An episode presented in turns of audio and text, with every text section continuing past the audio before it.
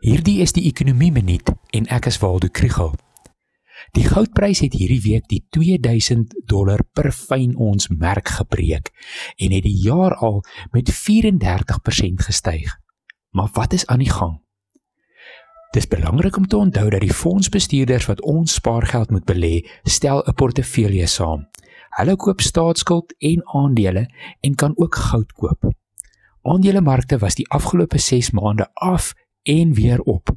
Sulke volatiliteit hou risiko in en dit beteken dat fondsbestuurders nie al hulle geld in aandele wil sit nie. Dan lyk goud soos 'n veiliger bate.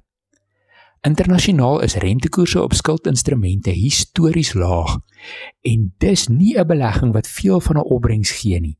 So sommige fondsbestuurders koop goud. Daar is vrese en onsekerheid na alle kante toe. Byvoorbeeld dat die stimuluspakkette nou opraak, maar dat ekonomieë nog nie aan die gang gekom het nie en die resessie langer kan voortduur. Maar daar's ook die teenstellende bekommernis dat die stimulus dalk tot inflasie kan lei wat die waarde van ander bates verminder.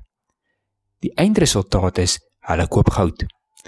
Ontleeders reken dat goud nou duur is vir beleggers wat net 'n veilige hawe soek en dat korttermyn spekulante nou in die mark is. you